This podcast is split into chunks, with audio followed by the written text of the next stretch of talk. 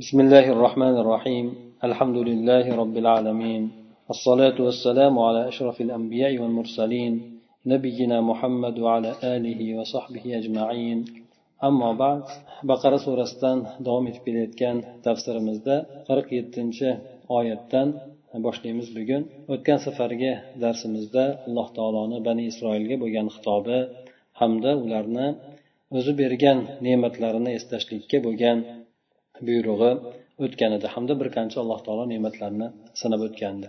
Bugun ham alloh taoloni mana shu qavmga bo'lgan ikkinchi xitobidan boshlab e, tafsir qilib o'tamiz. Alloh taolo aytadiki ya bani isroil ni'mati allati an'amtu alaykum va anni faddaltukum alal alamin. Ey bani isroil sizlar meni sizlarga inom etgan ne'matlarimni eslanglar. Va yana men sizlarni butun olamlarni ustida afzal qilib qo'ygan edim shuni ham eslanglar deydi buni tafsirida sobuniy aytadilarki ayya avlad nabiy solih yaqub تذكروا نعمي الجليلة عليكم بصنوف الإحسان والإكرام حيث نجيت آباءكم من جبروت فرعون طغيانه وفضلتهم على العالمين في زمانهم أي solih bo'lgan payg'ambar bo'lmish yoqub alayhissalomni farzandlari sizlar meni sizlarga bo'lgan ulug' ne'matlarimni eslanglar bu ulug' ne'matni alloh taolo berishligi turli tuman ikrom qilishlik ehson qilishlik bilan bo'lgan. Chunonchi mana bu ne'matlarni birinchisi suratida aytib o'tadiki men sizlarni otalaringizni fir'avnning zo'ravonligidan va uni tug'yoni zulmidan qutqargan edim. Va sizlarni ularni yani ota bobolaringizni qutqargan edim va ularni o'zlarini zamonasida butun olamlarni ustida afzal qilib qo'ygandim deydi. Haqiqatdan bani isroilni alloh taolo juda ko'p payg'ambarlar bilan siylagan o'zini davrida hamda ularga ko'p ne'mat berib o'sha zamonidagi bo'lgan butun qavmlarni ustidan afzal qilib qo'ygan edi. Lekin bular bu alloh taoloni bergan ne'matiga nonko'rlik qilishligi payg'ambarlarga osiylik qilishligi oqibatida bu ummat kelgandan keyin ulardan bu hislat bu fazilat olib qo'yilib muhammad sallallohu alayhi vasallamni ummatlariga berilgandir. Kuntum xayra ummatin uxrijat linnas ya'ni alloh taolo bu sahobalarga aytgan xitobi ya'ni butun ummatga bo'lgan xitob shuki sizlar odamlar uchun chiqarilgan eng yaxshi ummat bo'ldinglar deb alloh taolo ulardagi bo'lgan fazilatni olib turib bu ummatga berdi hamda ularga esa qolgan zurriyotlariga alamlantiruvchi ozor beruvchi bo'lgan kimsalarni vaqti vaqti bilan yuborib turishligi bilan alloh taolo ularni vaid qilgan qo'rqitgandir واتقوا يوما لا تجزي نفس عن نفس شيئا أي خافوا ذلك اليوم الرهيب الذي لا تتحمل فيه نفس عن أخرى شيئا ولا تدفع عنها شيئا من العذاب ولا تنفعها بشيء من النفع فكل نفس مثقلة بحملها ya'ni alloh taolo undan keyin bularga ne'matimni eslanglar deb bayon qilib o'tdida hamda ularni qiyomat kunidan qo'rqishlikka chaqirdi chunki bularni qalbi qotib ketganligi uchun juda ham dunyoga berilib ketganligi uchun na halol harom bo'lsin na din boshqa narsalarga e'tibor qilmay qo'yganligi uchun alloh taolo ularni qiyomat kuni bilan qo'rqitmoqda. Aytadiki sizlar o'sha dahshatli bo'lgan kundan qo'rqinglar. Judayam qo'rqinchli bo'lgan rohib ya'ni dahshatli qo'rqinchli bo'lgan kundan qo'rqinglar. Bu kunda biron jon biron inson bo'lsin biron boshqa toifa bo'lsin ya'ni jinlar bo'lsin boshqalar bo'lsin boshqa bir kimsadan boshqa bir jon zotdan biron narsani o'zini zimmasiga ko'tarolmaydi. Ya'ni birovni gunohini o'ziga o'z o'zicha ololmaydi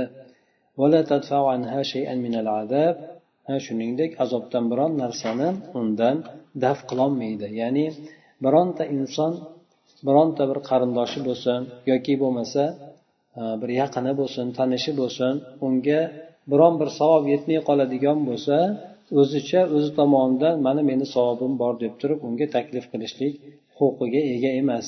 Demak azobdan biron narsani o'zicha daf qilishlikka imkoni yo'q deydi. Shuningdek manfaatdan biron narsani bilan foydalantirishligi imkoniyati ham yo'q. Ozgina aytib o'tganimizdek savobidan berishligi yoki uni azobidan e, himoya qilib qolishligi o'zicha bu narsalarga bironta inson jur'at qilolmaydi uni imkoniyatida ham yo'qdir. Demak har bir jon har bir inson har bir jin bo'lsin o'sha yerda mukallaf bo'lgan kimsalar o'zini gunohlari bilan yuklatib qo'yilgan bo'ladi. Ya'ni o'zini mas'uliyati bilan bog'lanib qo'yilgan bo'ladi. Bironta odamga birontasi hech qanaqa tomondan o'zicha manfaat ham berolmaydi zararni ham ketkazolmaydi. Faqatgina bu yerda mana pastda aytib o'tadi shafoat degan narsa allohni izni bilangina bo'ladi xolos. ولا يقبل منها شفاعة ولا يؤخذ منها عدل ولا هم ينصرون. أي لا تقبل شفاعة أحد من البشر في نفس مجرمة كفرت بالله ولا يقبل منها فدية وليس لهم ناصر ينجيهم ينجيهم من عذاب الله. ونفي الشفاعة هنا خاص بالكفار لقوله تعالى فما تنفعهم shafaatu shafiin demak bu yerda bironta bir shafoat qabul qilinmaydi deb alloh taolo aytadi. Shuningdek bironta bir odamdan biron narsa evaz degan narsa ham qabul qilinmaydi. Biron narsani o'rniga biron narsani evaz qilib berishlik ham undan olinmaydi. Yoki tovon to'lab berishligi bironta gunohni evaziga bu narsalar ham qabul qilinmaydi. Shuningdek u yerdagi bo'lgan kimsalar allohni iznisiz hech qanaqangi yordamga ham yo'liqishmaydi ya'ni sobuniy rahmaulloh sobuniy aytadilarki alloh taologa kofir bo'lgan jinoyatchi kofir bo'lgan kimsani borasida insonlardan birontasini shafoat qabul qilinmaydi. Ya'ni kofirlarga shafoat tegmaydi degani. Faqatgina bundan istisno qilinganligi abu tolib istisno qilinadi. Payg'ambar sallallohu alayhi vasallam bu kishini shafoat qilishligi faqatgina azobini yengillatishlik uchun bo'lgan xolos do'zaxdan chiqarishlik uchun emas. Shuningdek fidya ham undan qabul qilinmaydi. Fidya degani inson bir narsani to'lab turib azobdan qutulishligi. Pul to'labmi tovon to'labmi shu azobdan qutulib olishligi bunda hech qaysi bir insondan bunday bo'lgan narsa qabul qilinmaydi. Ba'zan bo'ladi jinoyatda qamoq bilan hukm qilinadigan bo'lsa uni mablag' bilan ha qutulishlik ya'ni to'lab turib qutulishlik imkoniyati bo'ladi bu dunyoda. Lekin oxiratda bo'lsa hukm qilingan azob o'z kuchida qoladi uni boshqa tomondan keladigan hech narsasi ham bo'lmaydi. Shuning uchun bironta insonlar o'rganib qolgan bu yerda tovon to'lov berib turib azobdan qutulib qolishlik bor o'shanday nima qilishlik bu yerda o'tmaydi degan mazmunda alloh taolo keltirib o'tyapti. ular uchun ollohni azobidan qutqarib qo'yadigan yordamchi ham bo'lmaydi dedi. Ya'ni hech kim ularga yordam berolmaydi. Bu yerdagi shafoatni inkor qilishlik yo'qqa chiqarishlik kofirlarga xosdir. Alloh taoloni ushbu so'ziga binoanki e, kofirlarga shafoatchilarni shafoati foyda bermaydi deydi. Ya'ni hech qanaqangi shafoat kofirlarga foyda bermaydi. Faqatgina ammal usat minal mu'minin fatuqbalu fihim shafa'a. Faqat gunohkor bo'lgan musulmon odamlarga mo'min bo'lgan odamlargagina shafoat qabul qilinadi. Ya'ni shafoat faqatgina mo'minlarga xosdir. Shafoat ko'pincha asosan qilinadigani gunohkor bo'lgan kimsalarga nisbatan qilinadi. Ma'lumki shafoatni turlari har xil keladi. Birinchisi gunohkor bo'lgan musulmonlarni jahannamga hukm qilinganlarni jahannamga kirishdan oldin azob jahannamga kirishdan qutqarib olishlik uchun qilinadi. Ikkinchisi jahannamga tushgan musulmonlarni jahannamdan azobi to'liq bo'lmasdan turib oldinroq chiqarib olishlik uchun qilinadigan shafoat bor. Ya'ni to'liq o'sha yerda o'ziga hukm qilingan muddatcha o'tirmasdan oldinroq chiqishligi uchun qilinadigan shafoat bor. Shuning uchun e, yana bundan tashqari mo'minlarni bir birlariga qiladigan shafoatlari bor. Bu darajalarni yuqoriga ko'tarilishligi uchun bo'ladi. Ya'ni jannatda bir kimsa yuqori darajaga tushgan bo'lsa o'zini yaqin bo'lgan farzandi bo'lsin otasi bo'lsin onasi bo'lsin pastki quyidagi bo'lgan darajaga tushsa yoki bo'lmasa ayoli quyidagi darajaga tushgan bo'lsa o'zini darajasiga ko'tarib olishlikni alloh taolodan so'rashligi bo'ladi. Alloh taolo ruxsat beradigan bo'lsa inson demak yuqori darajaga ko'tariladi. Shafoat borasida uchta shart uchta shart bor. Birinchisi birinchi shafoatga izn berilishligi hammaga ham shafoat qilishlikka izn berilavermaydi. Bu yerda alloh taolo o'zi shafoat qilishligi bor payg'ambar sallallohu alayhi vasallam shafoat qilishligi bor bu ummatda. Farishtalar shafoat qilishligi bor. Undan keyin keyin bu ummatni kimsalari masalan shahidlar bo'lsin yoki bo'lmasa boshqa solih bo'lgan odamlar bo'lsin shafoat qilishlik huquqiga ega bo'ladi lekin kimgaki alloh taolo ruxsat bergan bo'lsa. Bu birinchisi ikkinchisi kimni shafoat qilishlik?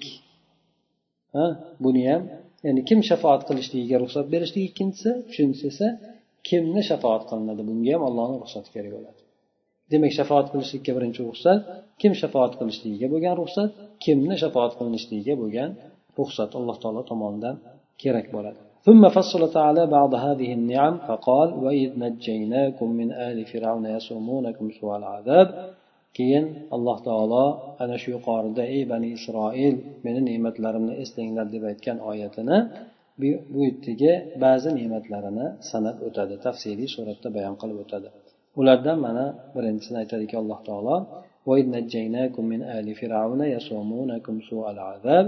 men sizlarni fir'avnni oilasidan uni to'dasidan najot bergandim qutqargan edim ular esa sizlarga turli tuman azoblarni qiyinchiliklarni tottirishardi deb aytadi أي واذكروا يا بني إسرائيل نعمتي العظيمة عليكم نعمتي العظيمة عليكم حين نجيتكم من بطش فرعون وأتباعه الطغاة المجرمين الذين ya'ni aytadiki ey bani isroil meni sizlarga bo'lgan buyuk ne'matimni eslanglar vaqtiki men sizlarni fir'avnni zo'ravonligidan va uni zolim bo'lgan jinoyatchi bo'lgan to'dasini zo'ravonligidan sizlarni qutqargan paytimdagi katta bir buyuk bo'lgan ne'matimni eslanglar deydi. Demak alloh taolo ularga katta bir ne'mati fir'avn va uni to'dasi yillar mobaynida judayam uzoq muddat mobaynida ularga e, qiyinchilik tug'dirib kelgan azoblab kelgan qiynab kelgan o'sha fir'avnni ularni ko'z o'ngida halok qilib yuborishligini e, bu yerda ularga eslatyapti ya'ni bu kimsalar sizlarni ota bobolaringizga turli tuman azoblarni juda ham dahshatli bo'lgan azoblarni torttirishar edi. Ana o'shalarni alloh taolo halok qilganligini eslanglar dedi. Shuningdek bu fir'avnni hamda uni to'dasini qilgan ishlarini alloh taolo bayon qiladiki ular sizlarni farzandlaringizni so'yib yuborishardi. Qizlaringizni esa tirik qoldirishardi deydi أي يذبحون الذكور من بني إسرائيل ويبقون الإناث على قيد الحياة لا رحمة بهم بل للخدمة والامتحان وفي ذلكم بلاء من ربكم عظيم يعني بني إسرائيل erkak ya'ni o'g'il bola tug'iladigan o'g'il bolalarni ular so'yib tashlashar edi hamda qizlarini esa hayotda qoldirishardi ularga rahmi kelganligidan emas balki ulardan foydalanadigan xizmati uchun hamda ularni bir xorlik bir azobiga hayotiga giriftor qilishligi uchun ularni tirik qoldirishardi.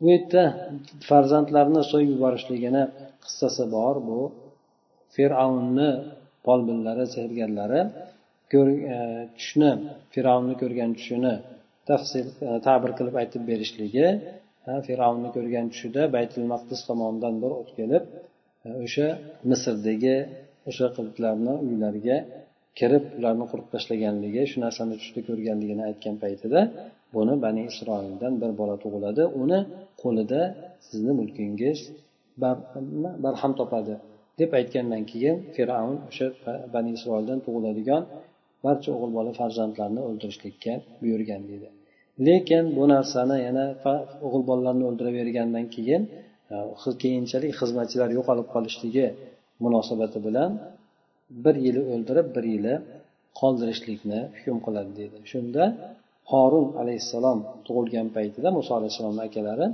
u bolalarni tark qilinadigan yil so'yishlikni tark qilinadigan yilda tug'ilgan deydi keyin muso alayhissalom davrida bo'lgan qissasi endi ma'lum.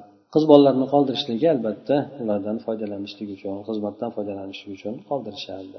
وفي ذلكم بلاء من ربكم عظيم أي فيما حل بآبائكم من العذاب المهين اختبار عظيم لكم من الله لتمييز المؤمن من الكافر والبر والبر من الفاجر mana bu narsada ya'ni ota bobolaringizga tushgan juda xor qiluvchi azoblarda sizlar uchun alloh taolo tomonidan buyuk imtihon bordir sinab ko'rdi nimani sinab ko'rdi bu yerda mo'min odamni kofirdan ajratishlik uchun yaxshi bo'lgan odamni fojir jinoyatchi bo'lgan gunohkor bo'lgan odamlardan ajratib olishlik uchun alloh taolo tomonidan bu imtihon sinov bo'lgandi deydi وإذ فرقنا بكم البحر فأنجيناكم وأغرقنا آل فرعون وأنتم تنظرون أي واذكروا أيضا حين فلقنا لكم البحر حتى صارت فيه طرق ومسالك اثنا عشر طريقا لكل سبت طريق لتمشوا عليها وتنجوا وتنجوا من الغرق فنجيناكم وأغرقنا فرعون الجبار مع جنده وأتباعه الأشرار وأنتم تشاهدون غرقهم eslanglar dedi vaqtiki biz sizlarga dengizni yorib berganimizni dengizni ma'lum muso alayhissalomni qissasida alloh taolo fir'avn u kishini orqasidan tushgan paytda qavmini orqasidan tushgan paytda borib dengizga borib to'qnashishadi suvga borib to'qnashgandan keyin orqada dushman oldida suvlik alloh taologa duo qilgan paytida alloh taolo muso alayhissalomga asosini suvga urishlikka buyuradi. Urgan paytda o'sha joydan yo'llar e, ochilib quruqlik e, paydo bo'ladi. Mana shu narsani alloh taolo ularga eslatib turib aytib o'tadi. Bu narsa ashuro kunini o'ninchi ashuro muharram oyini o'ninchi kunida bo'lgan edi. Buni payg'ambar sallallohu alayhi vasallam ro'zasini tutardilar va u to'g'risida oldin gapirib o'tgan edik. Va sizlarga najot berdik sizlarni qutqardik. Va fir'avnni to'dasini esa sizlar ko'rib turgan hollaringizda cho'ktirib yubordik deydi ya'ni sizlar biz sizlar uchun dengizni ochib bergan paytimizni eslanglar biz sizlarni qutqargan edik va fir'avn zolim bo'lgan fir'avnni esa jabbor bo'lgan zo'ravon bo'lgan fir'avnni esa askari to'dasi bilan birgalikda yomon askarlari to'dalari bilan birgalikda cho'ktirib yuborgan edik. Sizlar esa ularni cho'kishligini o'z ko'zlaringiz bilan guvoh bo'lib turardilaringiz ya'ni kuzatib turardilaringiz deb aytadi. Haqiqatdan shunchalik azob bergan dushmanni o'z ko'zini o'ngida halok bo'lishligi insonni qalbi anchalik taskin topishligiga sabab bo'ladi. Bu ham alloh taoloni shu insonlarga bergan katta bir ne'mati edi. Ya'ni dushmanni o'zini ko'zini o'ngida qarab turgan holatida halok qilishligi. وإذ وعدنا موسى أربعين ليلة ثم اتخذتم العجل من بعده وأنتم ظالمون ثم عفونا عنكم من بعد ذلك لعلكم تشكرون eslang deb alloh taolo yana buyruq qiladi. Biz muso alayhissalomga 40 kunni va'dalashgan edik. Ya'ni qirq kecha ya'ni 40 kunni va'dalashgan edik. So'ng qirq kundan keyin esa u kishi o'sha alloh taoloni huzuriga to'rt tog'iga borishligi alloh bilan o'sha yerda suhbatlashishligi keyin alloh taolo u kishiga tavrotni berishligi o'sha qirq kundan keyin ana o'shanga va'dalashib ketgan paytida sizlar esa muso alayhissalomdan keyin ketgandan keyin buzoqni iloh qilib oldilaringiz xudo qilib oldilaringiz sizlar bu holatda o'zlaringizga o'zlaringiz zulm qiluvchi bo'lgandilaringiz. So'ng o'shandan keyin ham biz sizlarni afv qildik. Doimki sizlar shukrona keltirishlaringiz uchun deb alloh taolo aytadi tafsirida aytadiki تذكير لبني إسرائيل بنعمة ثالثة وهي عفو الله عنهم عن جريمة كبيرة يستحقون أشد أنواع العقاب عليها وهي عبادة العجل. فبعد أن أهلك الله فرعون وقومه بالإغراق في البحر وعد موسى أن ينزل عليه التوراة بعد أربعين ليلة وهو الميقات الذي حدده الله له. ولما ذهب موسى لمناجاة ربه عبد قومه العجل الذي صنعه لهم السامري فقابلوا النعمة بالكفر والجحود. أي واذكروا يا بني إسرائيل حين ذهب نبيكم للموعد الذي حدده الله له ففي حال غيبته اتخذتم العجل إلها فعبدتموه ثم عفونا عنكم. عن هذه الجريمة الشنيعة وأنتم ظالمون لأنفسكم لتشكروا ربكم على هذا العفو والإحسان. يعني bani isroilga uchinchi bor ne'matni eslatishlikdir. Yuqorida ne'matlarni sanab o'tdi. Bu esa ularni uchinchi alloh taolo tomonidan berilgan ne'mati edi. Bu ne'mat esa alloh taoloni ularni judayam katta gunohni qilganligidan kechirib yuborganligi. Bular bu bilan judayam qattiq bo'lgan azobga giriftor haqli bo'lardilar loyiq bo'lardilar. Ular qilgan ishlari esa o'sha katta jinoyatlari esa bu nimaga buzoqqa sig'inishligi bo'lgan edi alloh taolo fir'avnni hamda uni qavmini dengizda cho'ktirishligi bilan halok qilgandan keyin muso alayhissalomga qirq kundan keyin tavrotni nozil qilishligini va'da qildi. Bu alloh taolo belgilab bergan vaqt edi. Ya'ni qirq kundan keyin bo'lishligi alloh taolo va chegaralab bergan tahdid qilib aniqlab bergan vaqt edi.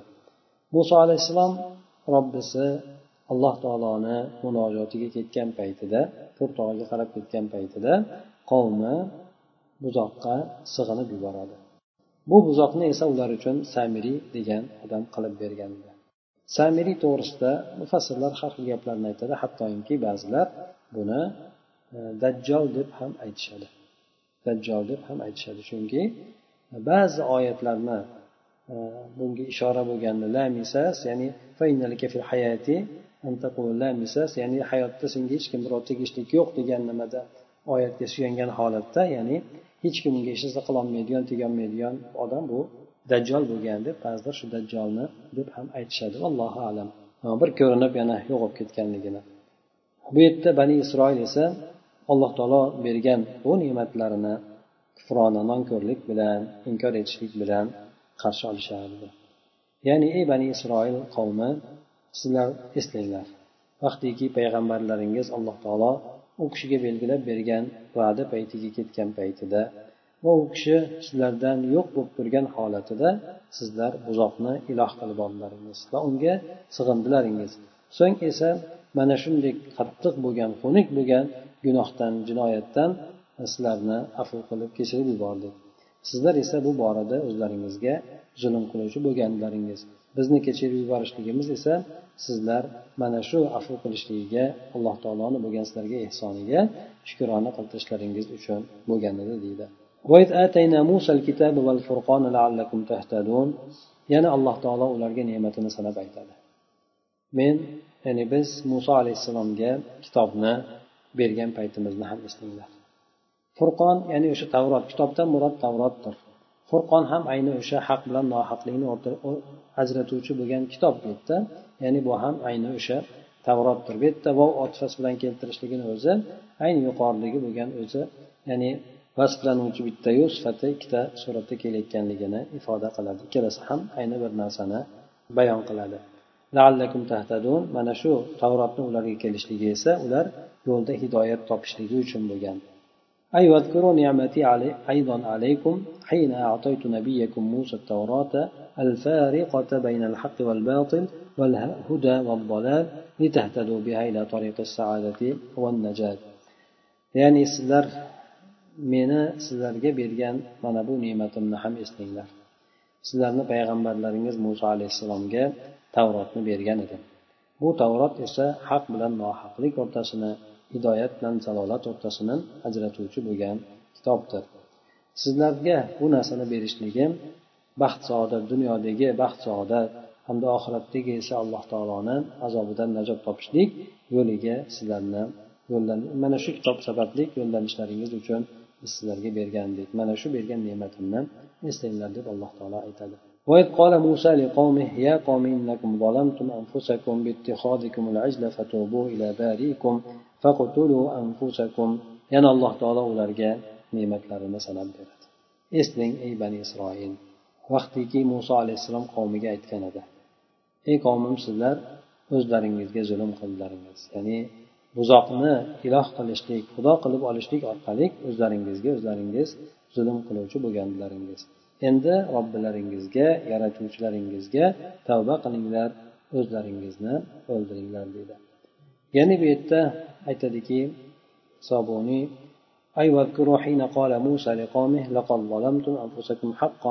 ya'ni muso alayhissalom qavmiga shunday deb aytgan paytlarini eslanglar sizlar o'zlaringizga haqiqatdan zulm qilib qo'ydilaringiz.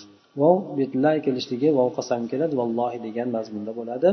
Ya'ni allohga qasamki sizlar o'zlaringizga haqiqatdan o'sha buzoqqa sig'inishlik bilan o'zlaringizga o'zlaringiz zulm qilib qo'yganlaringiz va alloh taoloni azobiga o'zlaringizni giriftor qilib qo'yganlaringiz mana shunday qilishlik orqali. Endi esa xoliqlaringizga yaratuvchilaringizga tavba qilinglar. Mana shu buyuk bo'lgan gunohdan shirkdan o'zlaringizni qutqarlaringiz. Sizlardan pok bo'lgan ya'ni o'sha shirkka aralashmagan odamlar shirkka aralashgan shu gunohkor bo'lgan odamlarni jinoyatchi bo'lgan odamlarni o'ldirishligi bilan mana bu katta shirk amalidan o'zlaringizni qutqaringlar deb alloh taolo aytadi. Shoyat o'shanda alloh taolo sizlarni tavbalaringizni qabul qilsa deydi.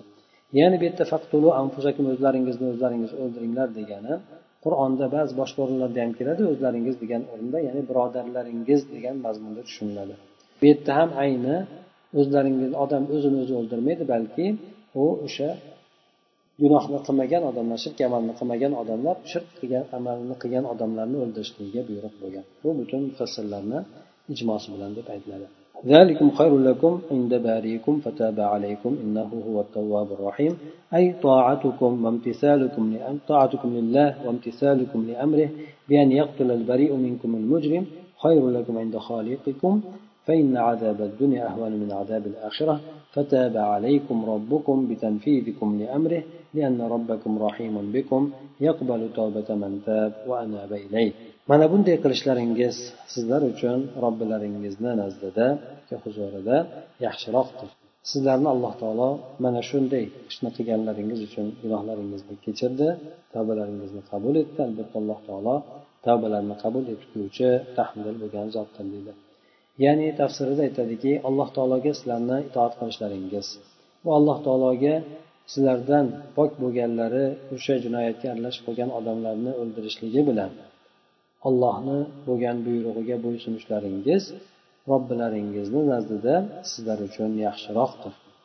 Chunki dunyo azobi esa oxirat azobidan yengilroq bo'ladi. Robbilaringiz sizlar ollohni ishlarini bajarganliklaringiz uchun sizlarni tavbalaringizni qabul qildi gunohlaringizni kechirdi. Zero robbilaringiz sizlarga rahmdil mehribon bo'lgan zotdir. Hamda alloh taolo kimki tavba qiladigan bo'lsa alloh taoloni o'ziga inobat qilib qaytadigan bo'lsa alloh taolo bunday kimsalarni tavbasini qabul qiladi deb aytadi. بعد أن ذكرهم تعالى بالنعم التي أفاضها عليهم بين لونا من ألوان طغيان اليهود واستهزائهم بأمر بأوامر الله وهم مع الكفر والعصيان يقابلون باللطف والإحسان فما فما أقبحهم من أمة وما أخزاهم. أي واذكروا يا بني إسرائيل حين قلتم لنبيكم موسى لن نصدق برسالات برسالتك حتى ترينا ربنا علنا وجهارا. وهذه منهم قاصمة الظهر فأخذتكم الصاعقة وأنتم تنظرون. وقتيكي eslang vaqt eslanglar vaqtiki aytgandilaringiz. Ya'ni bu xitob garchi bani isroilda o'sha payg'ambar sallallohu alayhi vasallam davrida yashayotganlari uchun bo'lsada aytib o'tganidek bu bilan ularni ota bobolari e, ifoda qilinadi. Ya'ni shuni anglatiladi. Sababi ular o'shalar bilan g'ururlanardi hamda o'shalarni yo'lini tutyapmiz deb davo qilardi. Shuning uchun sizlar deb ularga qarata xitob qilinyapti. Ya'ni sizlar aytganlaringiz ey muso biz senga to alloh taoloni ochiq suratda bizga ko'rsatmaguninggacha iymon keltirmaymiz deb aytganlaringiz ya'ni alloh taolo ularga to'kib bergan to'la qilib bergan ne'matlarni zikr qilgandan keyin yahudlarni tug'yoni haddan oshishligini juda ham bir xunuk bir suratlarini bayon qildi. Va ularni alloh taoloni buyruqlarini kamsitishlari mensimasliklarini bayon qilib o'tdi. Bular alloh taoloni ularga bo'lgan lutfi karamini ehsonini manko'rlik bilan osiylik bilan qarshi olishardi yoki qabul qilishardi. Aytadiki bular qandayyam bir jirkanchli bo'lgan qandayyam bir sharmanda bo'lgan ummat bular. Payg'ambariga ularni eng sara bo'lgan odamlari shu gaplarni aytadigan bo'lsa ya'ni ey bani isroil eslanglar sizlar payg'ambarlaringiz muso alayhissalomga biz seni robbingni bizga ochiq oshkor suratda ko'rsatmaguninggacha risolatingga tasdiqlamaymiz senga iymon keltirmaymiz deb aytgan paytlarini eslanglar. Bu ulardan juda ham bir og'ir ish bo'lgan edi. Qosimatu vahri ya'ni yelkani uzib yuboradigan darajada shunaqangi og'ir ish bo'lgandi ana o'shanday deb aytib turishgan paytda ularni judayam bir qattiq bir azob ovozi ularni tutdi ular esa o'sha azobga qarab turishardi ya'ni ular shunday qarab turgan hollarida ularni azob ushladi deydi أي فأخذتكم صيحة العذاب وهي الصاعقة المحرقة التي فيها النار اللاهبة وأنتم تنظرون إلى ما حل بكم من العذاب يموت الواحد أمام الآخر حتى ماتوا عن آخرهم وكانوا سبعين رجلا وهم الذين قال الله عنهم واختار موسى قومه سبعين رجلا لميقاتنا ya'ni sizlarni azob qichqirig'i sizlarni ushladi deydi bu azob qichqirig'i nima edi bu o'ti bo'lgan kuydiruvchi bo'lgan gumburlashlik qattiq bir tovush bo'lib turib o'sha tomondan tushgan bir o't bo'lgan edi hatto e, bu narsada esa alangalanib turuvchi o't bor edi xuddi yashindek bo'lganda judayam qattiq ovoz bilan o't bularga qarata kelgan. Bunda esa o'sha ovoz bilan birgalikda alangalanuvchi o't bor edi. Bular o'sha ularga tushayotgan azobga o'z ko'zlari bilan qarab turishardi. Shunday qarab turgan holatlarda bularni ustiga tushadi. Birisi esa boshqasini oldida o'ladi. Bir bir hammasi oxirigacha o'lib ketishadi. Ular yetmish kishi bo'lgandi. Alloh taolo ular haqida aytgan odamlar mana shular edi ya'ni muso alayhissalom qavmidan yetmish kishini bizga yo'liqishlik uchun tanlagan edi deb alloh taolo aytadi imom tabariy aytadilarki لما تاب بنو إسرائيل من عبادة العجل أمر الله موسى أن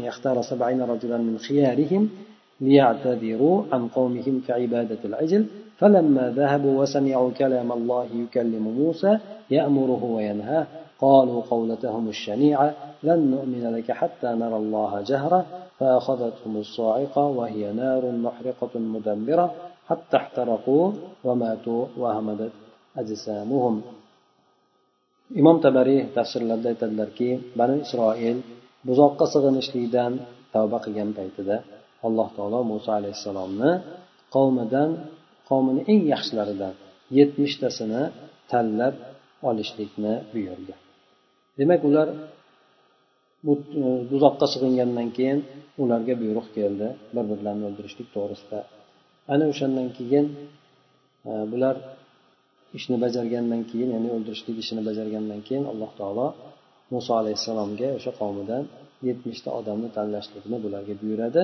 Doimki o'zini shu buzoqqa qilgan sig'inishligida alloh taologa uzr aytishligi uchun vakil bo'lib borishadi bular. Qavmi tomonidan. Ular borishgan paytida muso alayhissalomga alloh taoloni gapirayotganini eshitishadi. Va alloh taolo u kishiga buyurib qaytarayotganini eshitishadida shundan keyin ular shu gapini aytishadi. Nimaga endi? Yana ba'zi gaplari borki ularni kitoblarida kelgan nima uchun olloh senga gapiradiyu bizga gapirmaydi? Deb turib endi xudoni oshkor bizga ko'rsatmaguninggacha shunday ko'z ko'zimiz bilan ko'rmagunimizgacha seni risolatingga iymon keltirmaymiz deb aytadi. Bular kim bo'lgan? Bani isroilni eng yaxshi odamlari bo'lgan. Shu darajada bular payg'ambarlarni juda ortiq darajada qiynab sarkashlik qilishgan. Bularni mana shunday deb aytgandan keyin alloh taolo tomonidan bularga azob tushadi. Bu azob kuydiruvchi bo'lgan vayron qiluvchi bo'lgan o't bo'ladi. Bularni hatto ham oxirigacha kuydirib tashlaydi kuyib ketishadi va bular o'lishadi va hamadat jasadlari jismlari esa tinchib qoladi. Hamadat degani ovozi o'chib qoladi degani. So'ng o'shandan keyin ham alloh taolo bularni shunday qilib azob berib o'ldirgandan keyin ham biz sizlarni o'ldirganimizdan keyin qayta tiriltirdik deydi shoyatki sizlar shukrona keltirsalar. alloh taoloni ularga azob yuborishligi o'sha rasvo gaplari uchun bo'ladi o'shanga azob yuboradi undan keyin alloh taolo ularga rahm qilib mehribonlik qilib ularni qaytadan tiriltiradi o'sha azob ularni o'sha aytgan gapi uchungina bo'ladi xolos أي ثم أحييناكم بعد أن مكثتم ميتين يوما وليلة لتشكروا ربكم على نعمة الإحياء بعد الموت so'ng biz sizlarni bir kun bir kecha kunduz o'lik holatda turganlaringizdan keyin qayta tiriltirdik. Sizlar robbilaringizga shunday tiriltirishlik ne'matiga o'lgandan keyin tiriltirishlik ne'matiga shukrona qildirishlar shukrona qilishlaringiz uchun biz sizlarga yana qaytadan hayot ato etdik deb alloh taolo aytadi. Bular haqiqatdan bani isroil e, eng afzallari shular bo'ladigan bo'lsa haqiqatdan muso alayhissalom borib e, aytgan paytlarida shunday fir'avnni ko'zini o'ngida halok qilib turib baytul maqdisga borgandan keyin shu yerga kirib jang qilib kiraylik deganda nima deyishadi? Sen muso robbing bilan birgalikda urushavergin biz kutib o'tiramiz. Ha qachon g'olib bo'ladigan bo'lsanglar keyin biz kiramiz deydi bular o'sha kishini ergashgan qavmlar aytadi muso alayhissalom bilan birgalikda u kishini akalari yana bir necha odam bo'ladi xolos. Qolgan hammasi o'sha kirishlikka bo'lgan buyruqqa bo'ysunishgan. Shuning uchun alloh taolo ularga darbadarlik hukm qiladi. Qirq kun darbadarlik hukm qiladi. Bular o'sha eng ichida yaxshilari ham bor iymoni zaif bo'lganlari ham bor. Bu narsa bo'lib ham o'sha fir'avnni halokati o'zini ko'z o'ngida bo'lgandan keyin alloh taoloni yordamini o'z ko'zi bilan ko'rgandan keyin bular shu darajada bo'ladi. Shunchalik iymon quvvatlanib nima bo'lsa jonini ham fido qilib yuborishligi mumkin bo'lgan holatida ular shu gaplarni aytishadi. Yana bularni eng yaxshilaridan tanlab olib yetmishtasini olib borsa borgandan keyin haligi gaplarni aytyotishadi to xudoni bizga oshkor suratda ko'rsatmaguningcha iymon keltirmaymiz nimaga sen gapirib bizga gapirmaydi degan mazmunda alloh taolo shunday bo'lsa ham bularga judayam ko'p ne'matlarni bergan ekan. Bir qanchasini sanab o'tdi bundan keyin oyatlarda ham o'sha ne'matlarni e, sanab o'tadi alloh taolo. E, shunchalik bo'lishiga qaramasdan bularni alloh taolo shuncha ko'tar ko'tar qilgan ekan o'zini zamonasida. Butun xalqlarni ustida bular alloh taoloni eng suyumli bo'lgan xalqi bo'lgan. Shuni ular o'zlari ham davo qilishadi. Lekin bu ummat kelgandan keyin bulardan bu xususiyat olib qo'yildi bu ummatga berildi. Albatta bu ummat sahobalari u ummatni sahobalaridan ko'ra judayam ya'ni o'lchovligi ortiq darajada desak ham bo'ladi. Ummat ham undan keyingi ummatlar ham ularni keyingi qolgan ummatlarni oldida juda ham yuqori darajada bo'ladi. Shuning uchun alloh taoloni marhamati judayam keng. Rahmati ulug' payg'ambar sallallohu alayhi vasallam shuning uchun jannatni yarmi bo'lishliklarini umid qilaman deb aytgan. Bu ummatga nisbatan. Lekin shunday bo'lsa ham muso alayhissalomni qavmini judayam ko'pchilik suratda ko'rganligini bayon qiladi. Uni qiyomatda muso alayhissalom ummati bilan turganligini judayam bir katta bir qavm turganini ko'rdim. Meni ummatimmi desam yo'q bu musoni ummati deb aytildi deydi. Demak o'shandan judayam ko'pchilik ekanligini payg'ambar sallallohu alayhi vasallam xabarni berganlar. سبحانك اللهم وبحمدك نشهد أن لا إله إلا أنت نستغفرك ونتوب إليك. اللهم انفعنا بما علمتنا وعلمنا ما ينفعنا وزدنا علما.